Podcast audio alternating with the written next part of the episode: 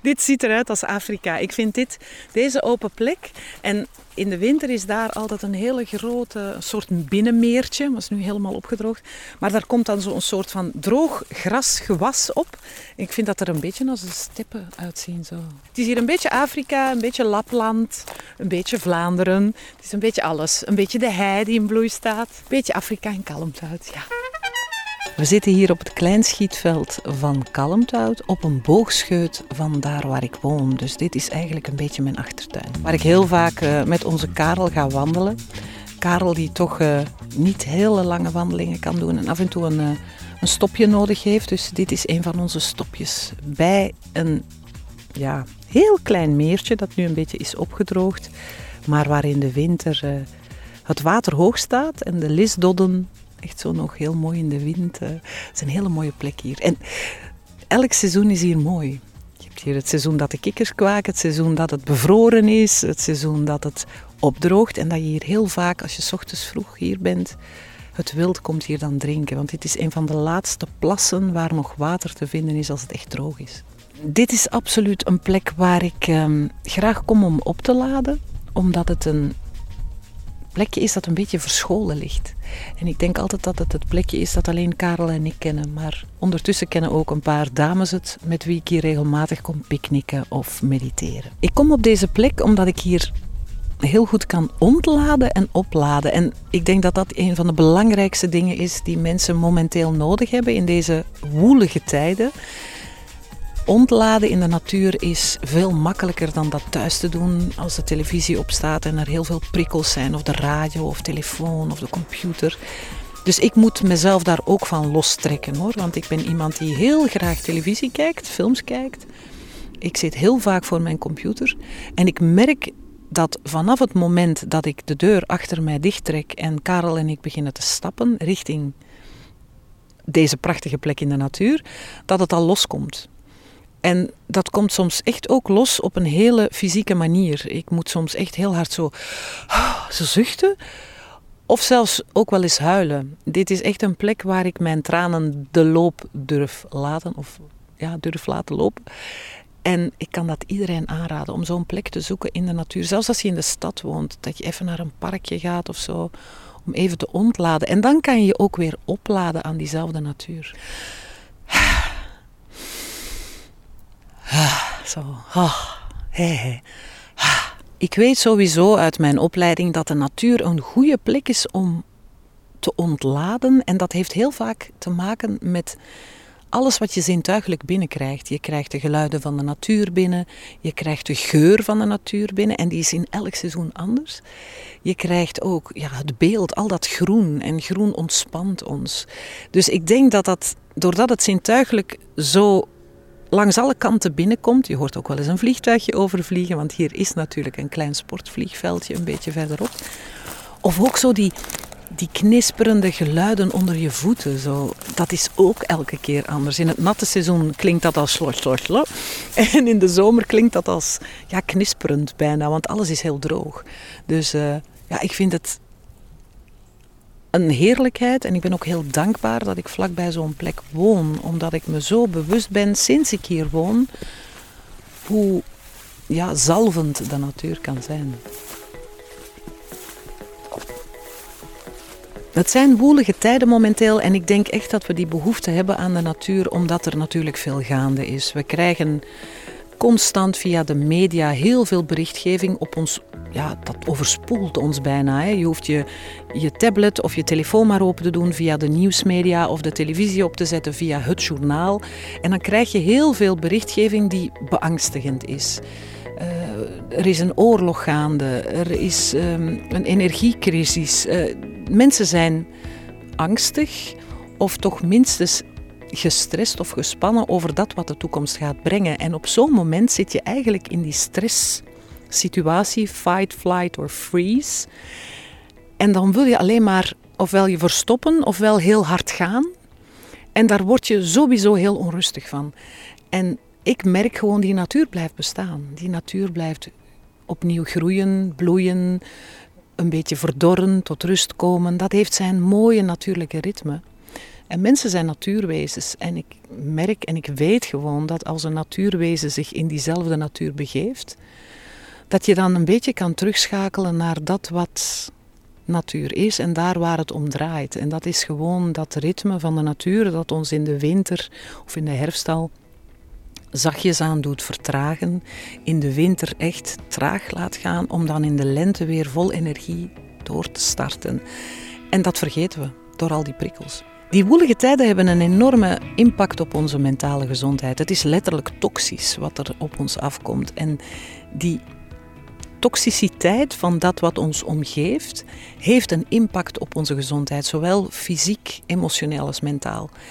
En daarom blijf ik de nadruk leggen op alles dat, wat ik deel via mijn boek Restart, wat ik eigenlijk met die reden bijna heb geschreven, maar ook via de filmpjes die ik deel via social media, via de vrouwencirkels, hoe belangrijk dat het is dat je intuned bij jezelf. En dat je die lekken die veroorzaakt worden door al die prikkels, dat je die dicht op een hele liefdevolle manier voor jezelf.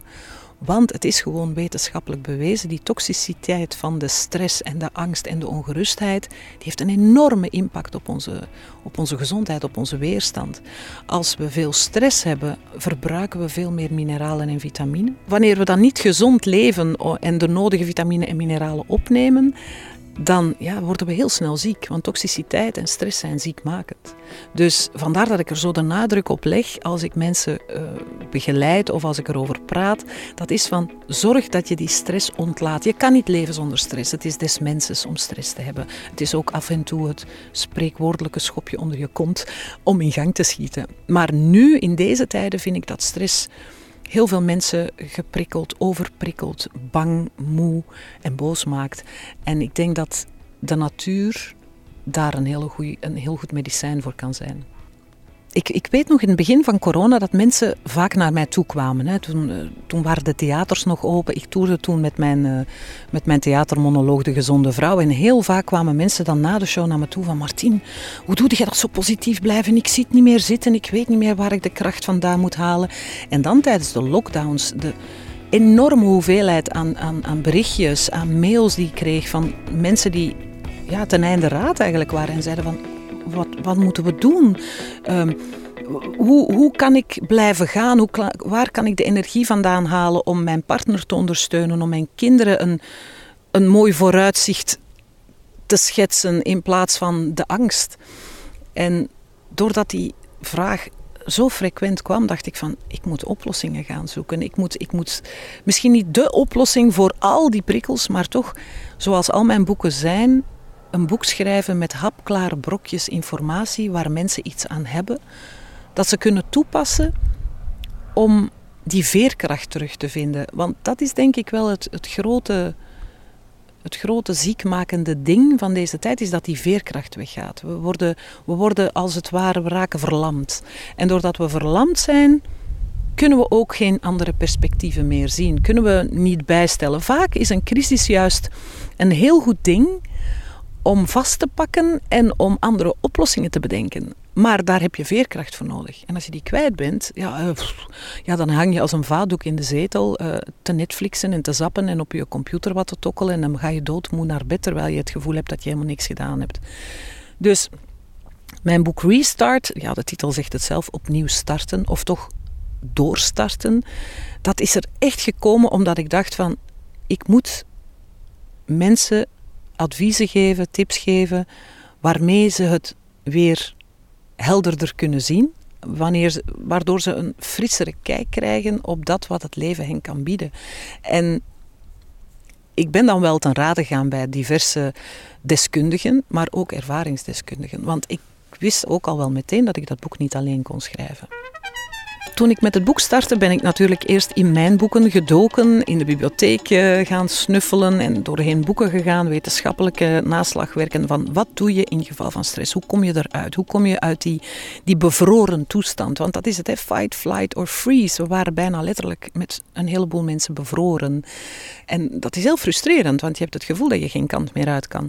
Ik ben dan ook met een klinisch psycholoog, Severine van de Voorde, gaan praten, die toevallig kort daarvoor bij mij eh, op TV Plus, op, in mijn eh, programma Martiens, wat een gezondheidsmagazine is, was ze komen vertellen over haar nieuwe boek.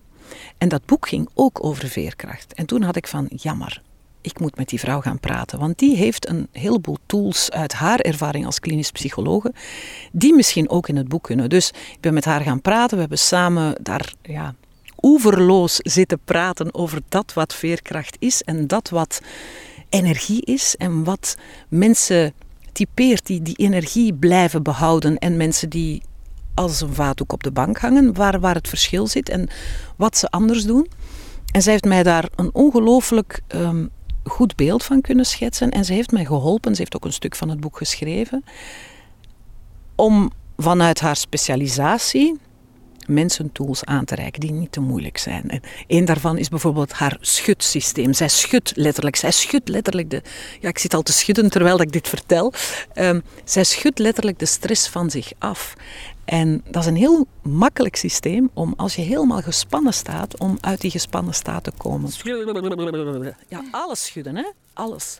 Dus uw armen, uw benen. Maar daarnaast ben ik ook met een antropologe gaan praten die gespecialiseerd was in dat wat vrouwen, omdat ik toch altijd vertrek van de vrouwen, want natuurlijk kunnen mannen mijn boek lezen, maar 85% van mijn lezers zijn vrouwen. Wat maakt dat vrouwen in crisissituaties vaak nog sterker zijn en nog flexibeler dan mannen? Zij heeft dat helemaal uit de doeken gedaan, staat ook in mijn boek. En ik ben gaan praten met ervaringsdeskundigen. En dat vond ik ook zeer interessante gesprekken. Vrouwen die echt helemaal dieper dan diep hadden gezeten en die op de een of de andere manier de kracht hadden gevonden om door te starten. En hun verhalen heb ik ook neergeschreven in het boek, omdat ze allemaal inspirerend zijn. Het zijn vrouwen tussen, er zit een jonge twintiger bij en ons mama is de oudste, die is 78. Uh, eh, als ik het over mijn moeder heb, dan word ik altijd een beetje emotioneel, omdat ons mama die die heeft altijd gedanst. Dat was een balletpedagoge en die mocht op een bepaald moment niet meer dansen. Want ze had artrose en artritis op al haar gewrichten. Ze moest stoppen of ze zou in een rolstoel belanden.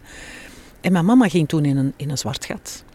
De manier hoe ze daar is uitgekomen, vind ik, ja, dat is een van mijn grote voorbeelden van veerkracht. En ik wilde natuurlijk ook dat zij haar verhaal zou vertellen in mijn boek. Twee jaar geleden heeft ze een hersenbloeding gehad en nu nog steeds staat ze te dansen liefst samen met mij op mijn Instagram. Ja, ik pak mijn boek erbij. Restart. Het is een, het is een flinke bijbel. Het is denk ik mijn dikste boek ooit. Want, uh, wacht ze. Het zijn denk ik net geen 300 pagina's. Met de behind the scenes erbij zijn het er net meer zelfs. Restart is een boek geworden waarin ik ook van op de voorpagina positiviteit wilde uitstralen. We zijn uh, de foto's gaan maken in Mons, een prachtig bergdorpje in Frankrijk. Dat dorp ademde zoveel vrolijkheid en blijheid uit. En we hebben het ook gefotografeerd net na de tijd dat we allemaal binnen zaten. Dus ik was ook zo blij dat ik buiten was en in Frankrijk en de zon scheen. En het was er zo mooi. En de titel Restart paste zo bij dat wat ik op dat moment voelde van ja, we gaan opnieuw starten. We zijn klaar met binnenzitten, we gaan er terug voor. En de ondertitel hoe je leven krachtig en energiek op de rails kan zetten, dekt absoluut de lading van dit boek, waar ik ongelooflijk trots op ben trouwens. Maar ook het werk van velen. Het is echt ook een vrouwenboek geworden. Er hebben alleen maar vrouwen aan gewerkt. En dat vond ik ook wel heel bijzonder. Ik draag dit boek op aan mijn moeder en grootmoeders, omdat ze me zoveel moederliefde gaven en een toonbeeld van veerkracht waren. Maar ook omdat ik in jou, mama, mijn grote voorbeeld zie van veerkracht en positiviteit. We hebben allemaal al eens in een kwetsbaar papieren bootje gezeten op de een of andere manier. We maken van alles mee. We dragen allemaal een rugzak. Je gaat op je bek af en toe, zo is dat. That's life. En daarna krabbel je zo goed en zo kwaad als het kan overeind en wandel je verder. Doe dat rustig. Ik moet soms denken aan het liedje Opzij, opzij, opzij van Herman van Veen. We moeten rennen, springen, vliegen, duiken, vallen, opstaan en weer doorgaan, zingt hij. Hij hekelt haast. En hij heeft gelijk. Kon natuurlijk in mijn boek niet voorbij gaan aan het feit dat ik ook een paar keer ernstig heb moeten restarten. Ehm, En dat, dat gaat van mijn droom als uh, jong meisje om een ballerina te worden, uh, waar dat ik dan twee keer een dikke niet kreeg, want mijn lichaam is gewoon niet geschikt om op een hoog niveau ballet te doen.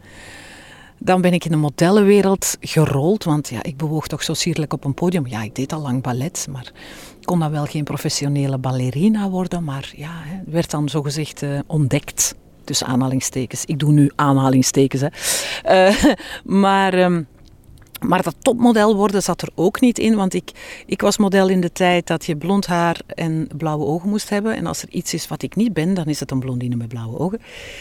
Uh, rolde toen in de televisie en ja, beleefde daar toen fantastische, mooie, leerrijke, leerzame tijden. Tot ja, dat gebeurde wat eh, heel Vlaanderen toen wel wist. Ik presenteerde een, een, een zeer populair programma, De Rode Loper. En had net een, eh, een, eh, evaluatiegesprek achter de rug waarin ik zei dat ik weer interviews wilde maken, mooie programma's, want dat deed ik zo graag. Voor de Rode Loper zat ik dag in dag uit voor een autocue. Dat is zo'n een, een soort apparaat dat de tekst laten rollen in de camera. Dus ik zat dan ook nog eens vaak alleen in de studio, want het was al de, de, periode van de onbemande camera's. Dus ik zat helemaal alleen in de studio tekst voor te lezen. Terwijl ik een reportagemaker was. Ik kwam uit een periode waarin ik met mensen op reis ging. Ik had in Nederland reisprogramma's gepresenteerd. In België had ik heel veel Vlaanderen vakantieland gedaan. En ik werd ineens in een studio gepoot voor een, een green key, wat niet eens een decor is, maar een, een groen scherm waar ze met de computer beelden op uh, laten verschijnen. Dus het was heel kaal. En na, ik geloof na acht, heb ik het nu acht jaar gedaan. Ja, ik weet het niet eens meer, lang. Veel geleerd over het vak, met een heel toffe ploeg achter de schermen, maar ik had het wel gezien. Ik wilde andere dingen gaan maken. Maar daar was geen geld voor.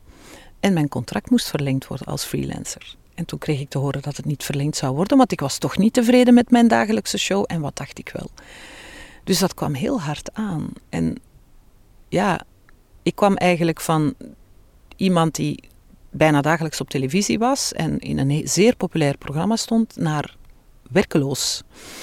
En dat kwam, uh, ja, dat kwam wel even binnen. En dan, dan ga je nadenken. Ik was toen wel net begonnen met mijn studies als gezondheidsbegeleider. Ik was parttime gaan werken om meer voor mijn zoon te kunnen zorgen, die toen nog kleuter was. En omdat ik wat wilde gaan studeren. En ik denk dat die honger naar studeren ontstond door de oppervlakkigheid van dat wat ik toen als werk deed. Met alle respect voor de rode loper, maar de rode loper voor mij had een diepgang van een glazen plaat. Ik wilde met mensen praten. Ik wilde niet zeggen dat Angelina Jolie en Brad Pitt weer ruzie hadden. Ik wilde andere dingen doen. En ja, op de een of andere manier ben ik dan gaan studeren. En die studie heeft mij ongelooflijk veel gebracht. En ik moet ook heel eerlijk zeggen dat ik nu dankbaar ben dat dat moment er was bij de VRT. Dat ik dus niet meer. Uh, dat ik dus eigenlijk de bon kreeg, of niet eens meer de verlenging van mijn contract, maar dat daardoor heel veel tijd vrij kwam waardoor ik me kon vastbijten in mijn studies. Dat heb ik dan ook vier jaar heel toegewijd gedaan.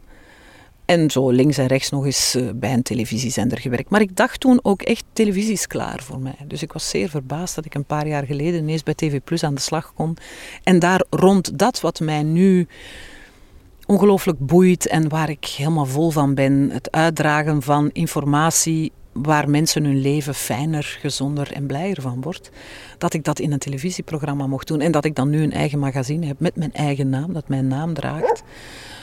Het zij wel op een, op, een, op een kleine zender, maar die nu zachtjes toch door veel meer mensen wordt gevonden. Onze Karel heeft iets gezien en dan moet hem dat even melden. Hè?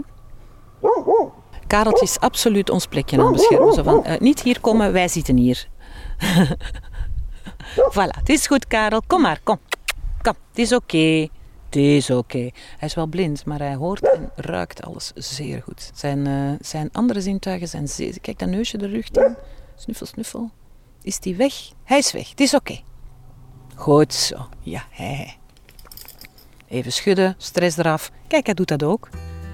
In het boek vertel ik ook veel persoonlijke dingen, onder andere mijn verhaal als jong meisje, die mij denk ik heel erg gevormd heeft tot iemand die heel graag af en toe een dikke middenvinger opsteekt naar de pesters van vroeger. Als meisje van 12 werd ik gepest. Ik was lang, mager en een soort van eentje. ik zeg bewust niet lelijk eentje, want dan geef ik mijn pesters van toen gelijk. Zij noemde mij tante Sidonie of tante Sidonia. Eén keer had iemand een spottende tekening van mij op de muur van de speelplaats getekend. Iedereen wees en lachte. En mijn enige vriendinnetje op school, ik was niet zo goed in vriendinnetjes maken, die lachte mee. Ik ben toen huilend naar huis gelopen. De tranen verblinden me voor het zwaar verkeer op de drukke baan die ik moest oversteken. Het is een wonder dat ik toen niet omvergereden ben. Want het kon me op dat moment niet schelen.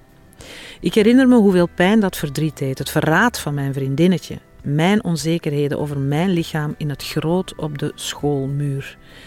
Ik was er kapot van. Het pesten hield nog een heel schooljaar aan. Toen bestonden er helaas nog geen anti-pestcampagnes.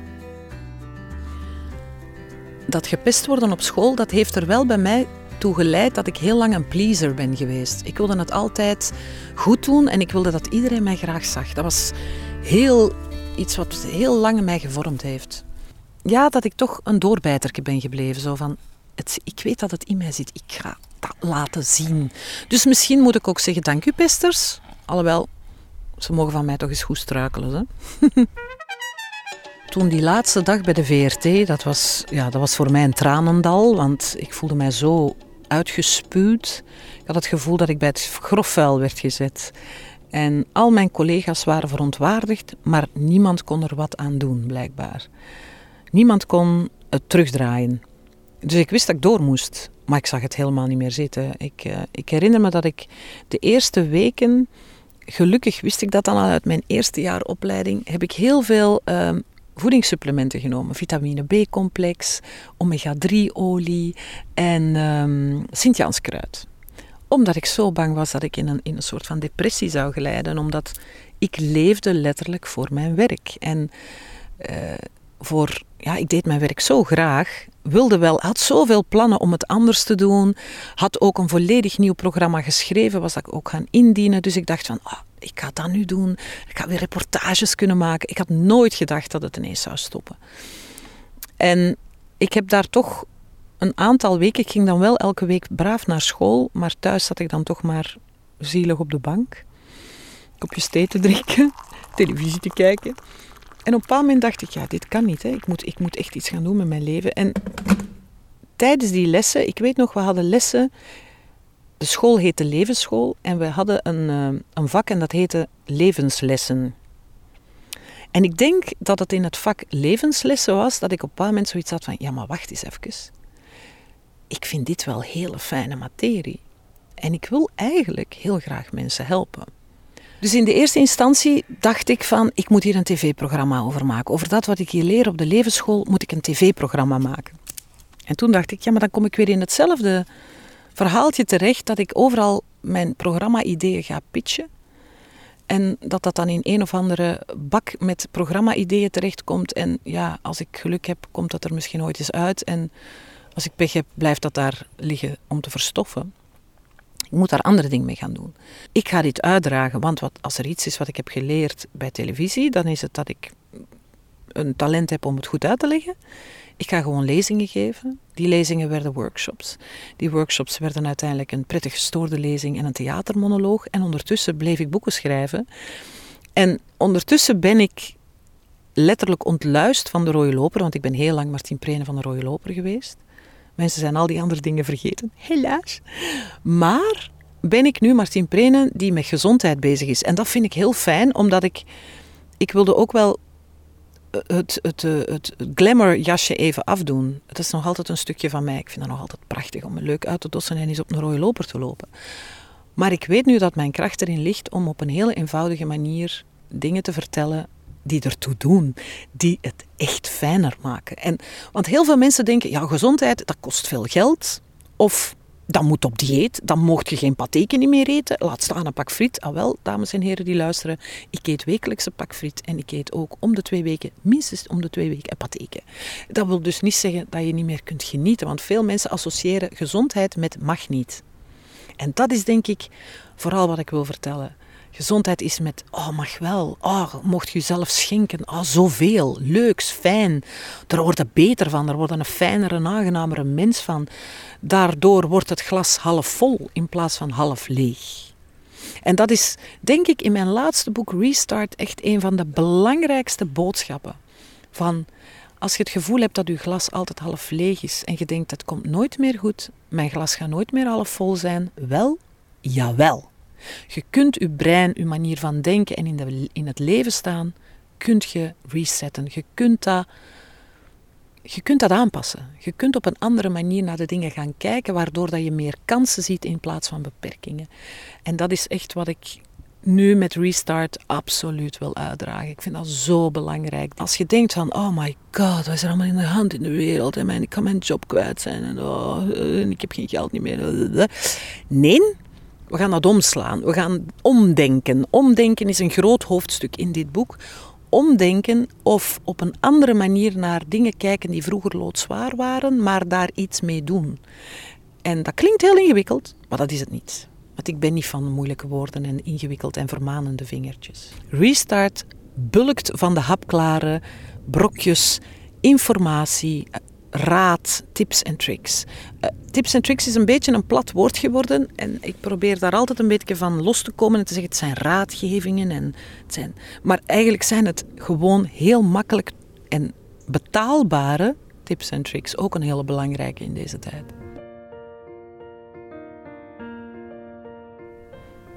Ja, ik heb nu in mijn boek af en toe een kadertje en daar staat bij help. Help is prenens, dat is, het is natuurlijk help.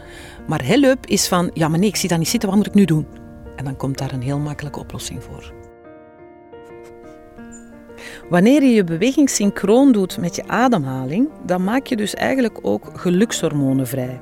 Dus je kan bijvoorbeeld zeggen, ik ben aan het stappen en ik ga in vier passen inademen. Dan ga ik twee passen pauzeren. Dus ik stap wel, maar ik adem niet. Ik adem niet in, ik adem niet uit. En dan adem ik zes passen uit. Dus dan kom je eigenlijk op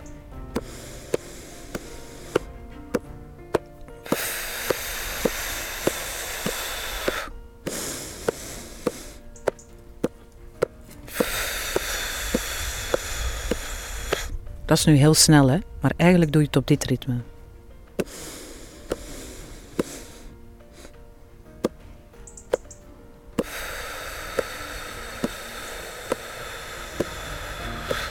Zo stap je dan. Dat is even, eventjes coördinatie, maar dat gaat vrij snel dat je dat vlot kan. En dat is eigenlijk een manier om je stressontlokker het zwijgen op te leggen. En het is ook een manier om gelukshormonen aan te maken. Dat is dus eigenlijk een hele simpele en die staat in het boek op pagina 137. Heel mijn boek is wetenschappelijk onderbouwd, want zo is dat met boeken over gezondheid of een gezondere levensstijl. Daar zijn altijd uh, mensen die dat gaan nakijken en nalezen. Je hebt ook de criticasters natuurlijk, die vragen en waar baseert je dat dan op? En dan heb ik gelukkig de wetenschappelijke bronnen die achter in het boek staan. Dat is soms wel een gedoe, hè, om dat allemaal op te zoeken.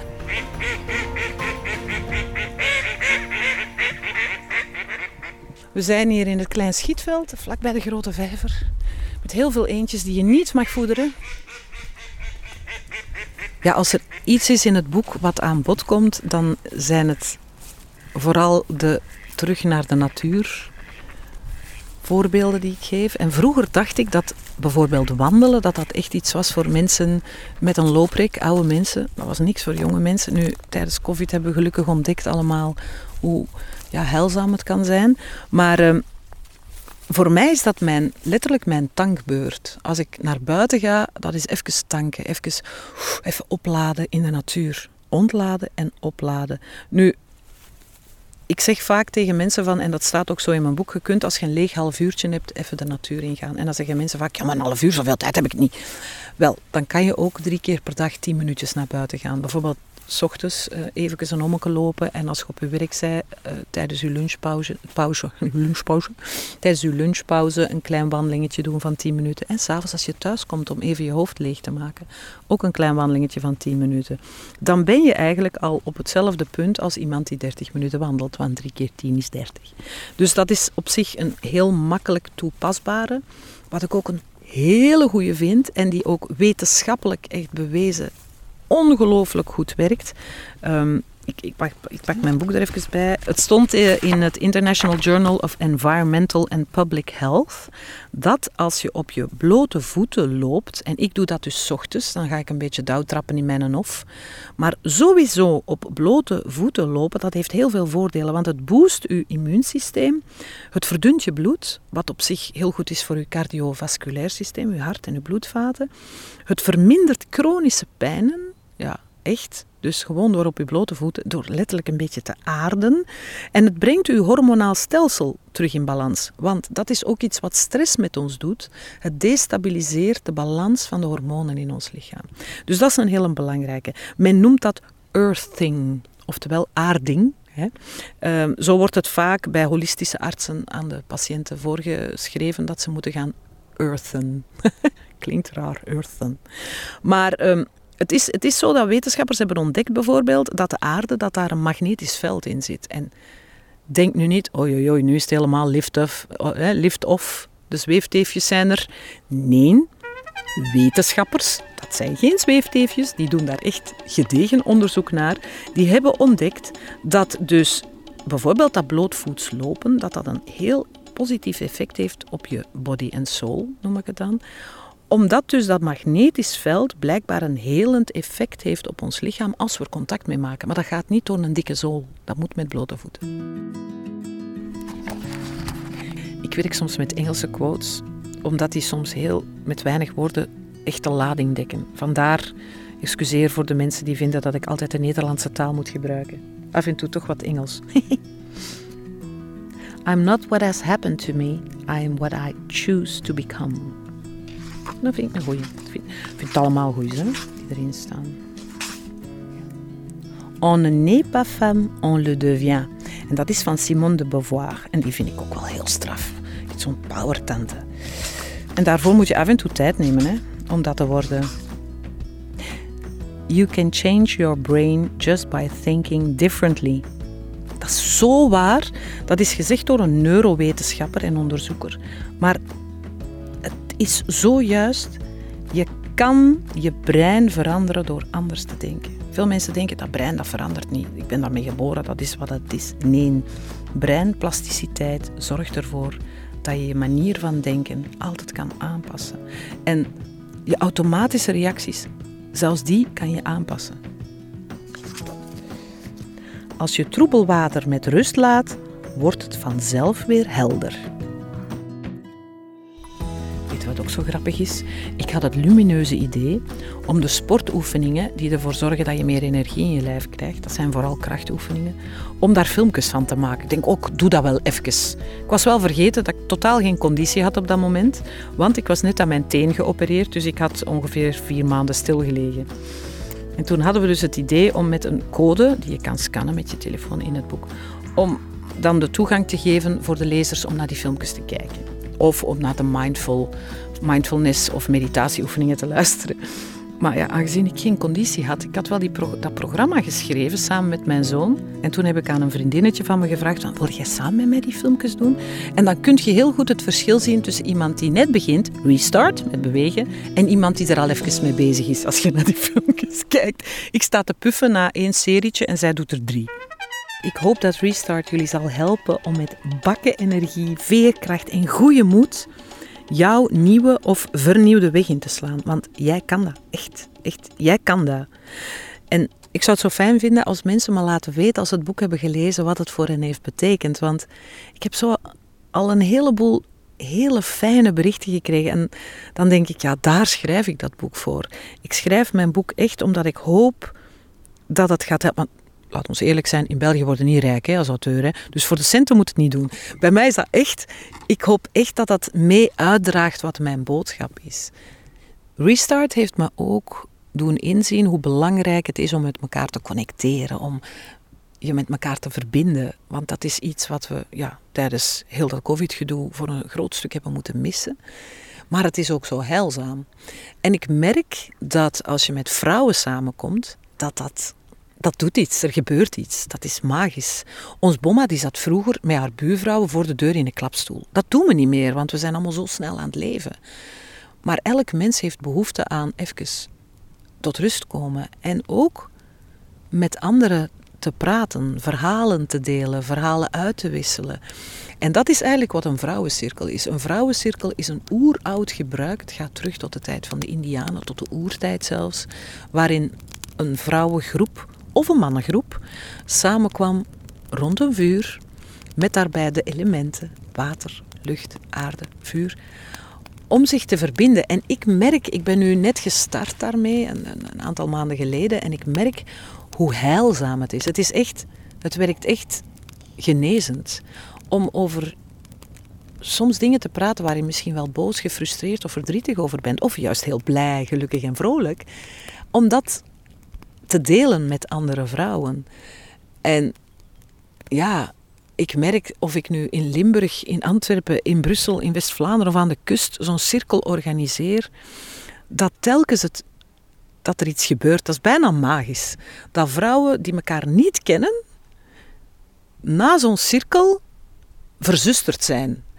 Want het heeft niet te maken met hoe dat je eruit ziet, of hoeveel dat je verdient, of met welke auto dat je rijdt, of of dat je jong, oud of, of een wijze tijger bent. Ja, zo noem ik dan de, de 70-plussers, dat zijn de wijze tijgers van de cirkel.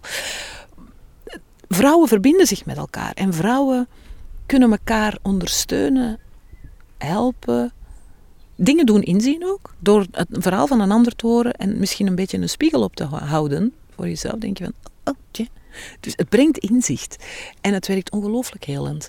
Dus uh, ik ga dat blijven doen. Ik vind dat zo fijn. En dat is niet dat ik zo de coach zit te zijn in zo'n cirkel. Hè. Nee, ik ben gewoon een van die vrouwen en ik, ik begeleid het enigszins in, in, in, in de richting van het thema waar rond we werken. En de keer is dat over veerkracht, over bewust leven. Dat kan over van alles gaan. Maar ik merk wel hoe ongelooflijk fijn dat is. Ik voel mij daarna ook altijd zo opgeladen. Ik ben, ik ben dan zo blij van, oh, wat een geweldige madame waren dit weer. En je ziet ook veel vrouwen terugkomen, omdat ze dat, dat heilzame heel erg voelen. En ik hoor ook van die vrouw van, ja, ik kon daarna precies beter mijn knoop doorhakken. En dan denk ik alleen maar, ja, kijk, dus de vrouwencirkel was ook weer een manier om te restarten. En dat is, dat is alleen maar fijn. Wel, iedereen mag bij de vrouwencirkel bijkomen. Het is zo dat elke keer als ik een vrouwencirkel geef, ik dat ook wel via mijn social media deel. En daar staat dan meestal een linkje bij, of vrouwen sturen mij gewoon een berichtje en dan stuur ik het linkje naar ze door. Jij bent ook uitgenodigd. Iedereen is welkom in de vrouwencirkel. Want ik zei het al, hè, het maakt niet uit wie je bent, waar je vandaan komt, hoe oud je bent of wat jouw overtuigingen zijn. In een vrouwencirkel is elke vrouw welkom. En trouwens, voor de heren, in een mannencirkel is elke man welkom. En dat is de reden waarom ik geen mannencirkels organiseer. Ik ontbreek daar enige accessoires voor.